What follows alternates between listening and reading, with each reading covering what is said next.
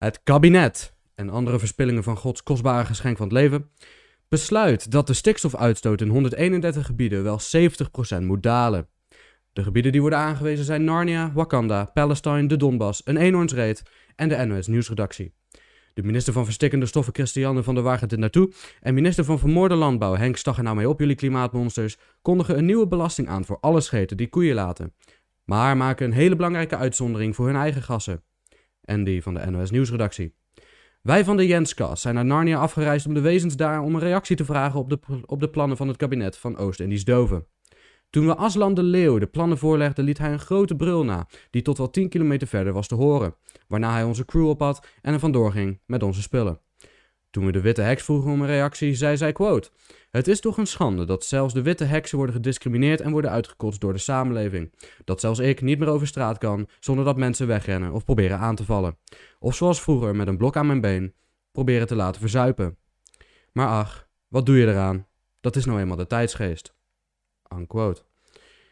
Toen wij duidelijk maakten dat het ging om de nieuwe stikstofplannen en niet om de heksenvervolging, liet ze een oorverdovende schrille krijs uit en veranderde onze crew in een stelletje waterlelies. De minister-president voor Demente Zaken en Geheugenverlies, Mark Rutte, nou eens op, kon niet worden bereikt voor een reactie, omdat hij vergeten was welke telefoon hij nou moest gebruiken. Trigger warning, ik ben Jens van Kakerken en dit is de Jenscast.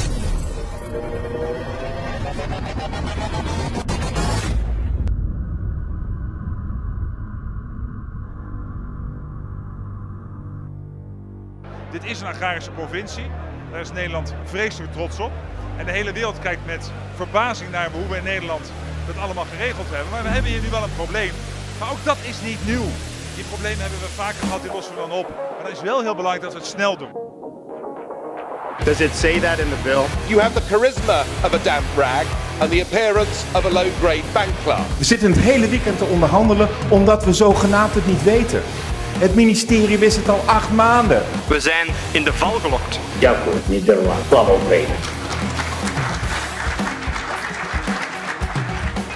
Alright, welkom terug bij de Jenscast, de podcast voor conservatief Nederland, waar je je wekelijkse dosis gezond verstand krijgt. Zie het als een soort vitamine C, de vitamine conservatief.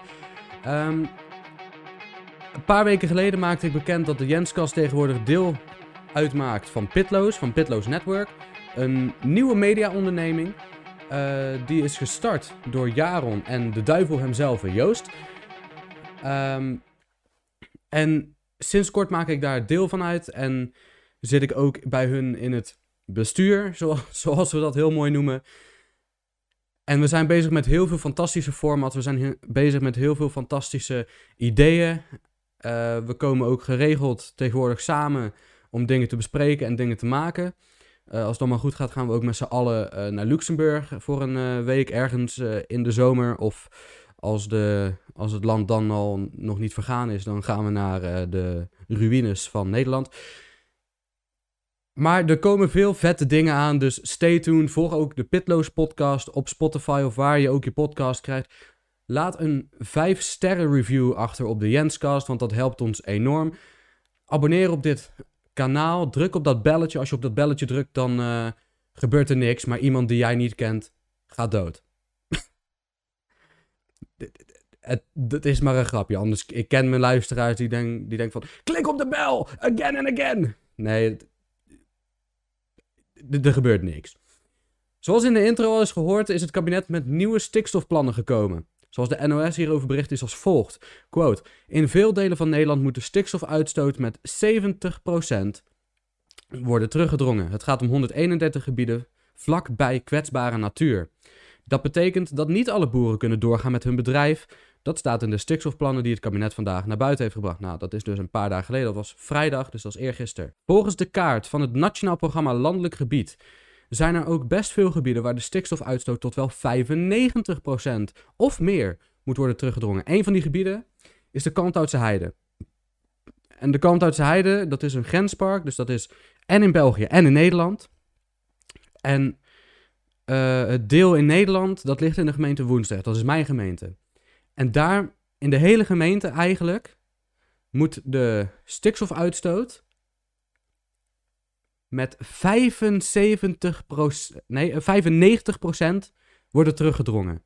Dat gaat de boeren bij ons en de huisbouw een extra strop om de nek leggen.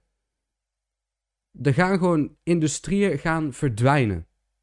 Als deze plannen doorgaan. En dat is. Ik ga het niet crimineel noemen. Want ik ga niet dezelfde retoriek gebruiken als dat bijvoorbeeld eh, Chuck Schumer gebruikt toen hij uh, Brett Kavanaugh aansprak een paar jaar terug. You've unleashed the whirlwind and you will pay the price. Nee, zo ga ik niet doen. Maar het is niet, niet fijn. Kijk even naar dit fragment bij WNL van uh, minister Van der Wal. Er zijn een paar plekken waarvan u zegt, ik kan echt niet anders. Daar moet de stikstofuitstoot binnen acht jaar tot wel 95% dalen. Als daar een boer niet vrijwillig uitgekocht wil worden, dan is op die plekken onteigening onvermijdelijk. Toch? Ja, wat we nu, er zijn gebieden en 95% is echt midden in Natura 2000. Ja, precies, er zijn er een paar. Ja, en zo zijn er, hè, er zijn ook gebieden waar, waar 12% reductie mm moet zijn. Nee, precies, maar het gaat om die waar het, het gaat om echt heel moeilijk is. Ja, en, en dat, is, dat, dat moet je per gebied, en dat gaan we komend jaar doen, echt bekijken van ja, wat kan hier? Nou, er kan heel veel. Uh, dat noemde ik net ook. Als het gaat om innovatie, als het gaat om excessivering. In die, in die, gebieden is het nou ja, daar wordt dat heel lastig. En wat je hoopt, en dat hoop ik natuurlijk van harte, is... we hebben regelingen. Uh, ik spreek heel veel boeren die graag willen stoppen... omdat ze geen opvolging hebben.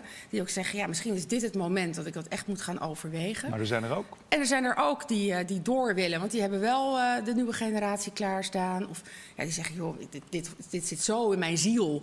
Um, daar wil ik ook echt mm -hmm. niet mee, mee stoppen. Uh, maar ik ga er alles aan doen om dat te voorkomen. Om, om ja, op die onteigening of andere dwingende maatregelen over te moeten stappen. Maar Want ik vind het vreselijk. Ja, we moeten die doelen halen. We hebben daar geen keuze in.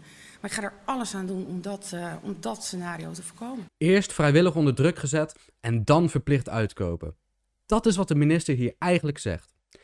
Voor 1 juni, 2000, uh, 1 juli 2023 moet, moet de provincie duidelijk maken hoe ze de doelen denken te bereiken. Dus het kabinet komt met doelen. de stikstof moet zoveel procent worden teruggedrongen. Uh, 95% daar, 70% daar, 60% daar, 50% daar. 12% in andere gebieden. En dan laten ze aan de provincie hoe dat, dat gaat moeten. Oké. Dus nog een vorm van wij bepalen wat regeltjes, wij bepalen wat doelen, maar willen zelf niet onze handen branden aan hoe die doelen moeten gaan worden bereikt. Top jongens. Het hardst geraakt zullen de veehouders zijn. De veehouders zullen het meeste moeten inleveren, zullen de meeste risico's moeten nemen, zullen het meeste last hiervan hebben. Volgens het RIVM zijn zij verantwoordelijk voor 60% van de stikstofneerslag in gevoelige natuurgebieden. En we weten allemaal dat een, een bepaalde partij in de coalitie, D66, al eerder heeft gepleit voor het halveren van de veestapel. Nou, deze, uh, deze stikstofmaatregelen die hebben een soortgelijk effect. Want de veestapel moet hiervoor met 30% worden verminderd. Oké, het is niet helemaal halveren, maar het is wel veel te ver in die richting. Minister Van der Wal zei eerder deze week: we, we hebben te maken met een juridische uitspraak die klip en klaar is. We moeten eerst minder stikstof uitstoten, we moeten eerst de natuur herstellen en pas dan kunnen we ook weer vergunningen verlenen. De enige manier om dit land van het slot te krijgen is deze aanpak. Ik heb geen keuze. Ze heeft wel een keuze, maar die wil ze niet maken, want dan gaat ze D66 te veel beledigen, offenden. Dat is, de, dat is het hele eieren eten. Op het partijcongres van de VVD is met een nipte meerderheid een motie aangenomen die oproept tot een nieuwe stikstofkoers van de Tweede Kamerfractie. 51% van de leden steunde deze motie die dit plan verwerpt en oproept tot een, quote, zorgvuldig, realistisch en liberaal stikstofbeleid. Een zorgvuldig, realistisch en liberaal stikstofbeleid. Dus zelfs de VVD-leden zijn het niet eens met de aanpak van VVD-minister Van der Wal. Het is niet vaak dat het op deze manier wordt geuit. Vaak wordt het een beetje weggeschoven, vaak wordt het, wordt, wordt het een beetje laag gehouden. Je mag kritiek hebben, maar tot zekere hoogte. Je mag niet te ver gaan. Op het partijcongres was een heel pittige discussie, schrijft RTL Nieuws. Quote, en dit is een quote van Fons Lambie, politiek verslaggever bij RTL. Dat was vroeger wel anders. In de afgelopen jaren onder Rutte werden op congressen zelden zo stevig gediscussieerd. Nu waren er zelfs Mensen die zeiden dat de VVD desnoods maar uit het kabinet moest stappen. Of die de stikstofplannen wilden terugsturen naar de tekentafel. En één VVD-prominent, dat is Gert-Jan Oplaat, als ik het goed heb, die zei er het volgende over. Luister. Ja, we kunnen wel lang bij stilstaan. Ik begrijp de emoties en uh, je moet dat gewoon niet doen, maar het is, het is gebeurd. En het leidt af van waar het om gaat. Ik, ik ga liever over het onderwerp uh, zelf. Uh, kijk, er vindt natuurlijk enorme intimidatie omgekeerd plaats richting boeren. Zo ervaren ze dat aan de keukentafel. Boeren worden in, uh, het gaat niet meer om een inkomen, ze worden gewoon in hun bestaan bedreigd. En met, uh, met één pennenstreek worden gewoon bedrijven om zeep geholpen. En dan gaat er een kaalslag op het, uh, op het platteland uh, plaatsvinden. Ja, dat, dit, dit heb ik nog nooit meegemaakt zo erg. We gaan richting communistische systemen lijkt het wel. Wat dus, bedoel je ermee? Sorry? Wat bedoel je daar precies mee? Nou ja, dat de overheid voor je gaat bepalen wat er moet gebeuren. Ik hoorde gisteren minister Staghouwer ook nog de opmerking maken dat de supermarkten meer moesten betalen, de, sla de slachterijen moesten allemaal maar meebetalen. En als dat niet gebeurde, ging hij een wetgeving maken waarin hij de prijzen ging vastleggen wat consumenten moeten gaan betalen voor producten. Nou ja, het lijkt echt werkelijk waar of de ijzeren muur is opgetrokken in, uh, in, het, in het Haagse. Toch? En vroeg aan mij of ik nog uh, VVD-lid ben. Ja, dat ben ik. Uh, maar vandaag is voor mij wel een soort van, van D-Day. Uh, als deze motie die ik inderdaad mede heb ondertekend, uh, uh, dat er niks mee gebeurt, dan kunnen ze van mij morgen of maandag in ieder geval de brief verwachten dat ik mijn lidmaatschap opzeg. En ik ben er meer dan zat van om mij zo gepiepeld te voelen door een aantal mensen die geen kennis van zaken hebben, op valse gronden, op basis van stikstofbeleid, proberen grond in te pikken van boeren. Dit kan en mag niet de bedoeling zijn. VVD-prominenten die openlijk zeggen dat het begint te lijken op een communistisch systeem, een ijzeren muur in het Haagse, en dreigen met het opzeggen van het lidmaatschap als het politbureau niets tot weinig met deze uitspraak van de leden gaat doen. Dat is iets wat in de afgelopen jaren ik in ieder geval niet heb gezien. Het dichtste bij kwam um, Ibeltje Berkmoes, Eibeltje Berkmoes, die toen een boekje, uh, een boek heeft geschreven over hoe het in de VVD-fractie aan toe ging. Dat was het dichtste bij op dit soort kritiek dat ooit een VVD-prominent is gekomen. En zo heel prominent was zij helemaal niet. D66, die jarenlang pleit voor het halveren van de veestapel, vindt nu dat het kabinet moet doorpakken. Anders geven ze de boeren valse hoop. De aangenomen motie binnen de VVD die opriep tot een andere stikstofkoers zal D66 niet laten passeren. Want Cheert de Groot, het D66-Kamerlid die ooit met het plan kwam om de veestapel te halveren, zei, en I quote, we moeten deze plannen uitvoeren. Want hij ziet eindelijk na 20 jaar een kabinet dat de stikstofplannen wil aanpakken. Eindelijk na 20 jaar een kabinet dat de stikstofproblemen wil aanpakken. Volgens mij zei ik net plannen. En dit allemaal door de, volgens mij de Urgenda-rechtszaak, uh, rechtszaak, de uitspraak daarin. We hebben natuurlijk ook gezien dat de boeren naar het huis van minister Van der Wal zijn gegaan. Hier even een kort fragment. Ik heb jullie hier ontvangen. Ja? Dicht bij mijn privéhuis. Ja, ja. Ik heb, wacht even, nee, nee, nee, even weg. Mhm. Sorry. Ik heb jullie ontvangen. Mhm. Ik heb een heel goed gesprek gehad. Ja? Ik heb geluisterd en Ja, ik ja. luister. En ik heb dit in ontvangst genomen, dat ga ik binnen lezen. Ja. Jullie staan heel dicht bij mijn huis. Ja, weet ik. Mijn kinderen staan hier binnen te trillen. Ja, ja, ja. Ja? Ja, ja. En nu is het gewoon klaar. Dus ik Ja. ga nu naar binnen. Maar hij staat ook te trillen. Maar Weet ik. Dat schudden. snap ik. mevrouw, En de GGA die komt straks ook bij ons op het erf. Ook bij onze kinderen. Ja. Ik snap het. Bij ons lopen ook kinderen thuis, hè? Ik weet Wat gaan die doen meteen? Ik weet het. Wat, wat, wat ga ik gewoon zelf doen? En wij gaan we Nou, straks, het en wij gaan we Nou, straks al het Het is voedsel een hele vandaan onzekerheid nou, hè? Het is nog veel meer onzekerheid gekomen nou. Ja. Ja, ik- want we krijgen een kaart. Wat kunnen we ermee? Niks. Nog niks. Alleen maar onzekerheid. Nee. Meer is het niet. Nee. En komend jaar, ja, en komend jaar moeten ze dat met elkaar gaan invullen. Dat ga je niet invullen. Nee, echt niet. Dat ga je niet invullen. Nou, eh, Ik, ik ga als het We- goed we is gaan- nu we naar gaan- binnen. we gaan het het nu stoppen ik vind hier. het iets te bedreigend worden. wat nu- Nee. nou ja, stop. wij voelen ons ook bedreigd. Serieus. Ja, en niet zo'n klein beetje. Demonstreren mag. Maar dat doe je niet bij de huizen van ministers, rechters, ambtenaren, etc. Doe dat bij het ministerie, het Binnenhof, de Tweede Kamer, het Malieveld of andere publieke locaties, maar blijf weg van de, privélevens, eh, van de privélevens van zij die je protesteert. Val het ambt aan, niet het individu. Dat was ook de conclusie uit een interne discussie bij ons binnen Pitloos. Val het ambt aan, dus de, de actie, de minister, maar niet het mens achter de minister. We hebben ook gezien in Amerika met Brett Kavanaugh hoe dat een protest bij het huis daar zijn privéadres eigenlijk op straat heeft gegooid. En dat daar vorige week iemand is gearresteerd die Kavanaugh wilde doodschieten in zijn huis, in zijn bed, terwijl de familie ernaast sliep. Demonstreren mag, tuurlijk. Maar doe dat inderdaad bij het ministerie, Binnenhof, Tweede Kamer, Malieveld, andere publieke locaties, maar doe dat niet bij de huizen van de ambtsdragers. Daar ga je, wat mij betreft en ook wat Pitloos betreft, 20 stappen te ver. Dan gaan we nu naar een ander stelletje communisten. De senaatsfusie van de PvdA en GroenLinks. GroenLinks en de Partij van de Arbeid zetten een volgende stap naar een volledige fusie. Ze fuseren de senaatsfracties van de PvdA en GroenLinks en doen volgend jaar gezamenlijk mee aan de Eerste Kamerverkiezingen. Bij de PvdA was ruim driekwart van de leden voor de fusie en bij GroenLinks 80%. Maar er waren ook best wel prominente critici van dit plan.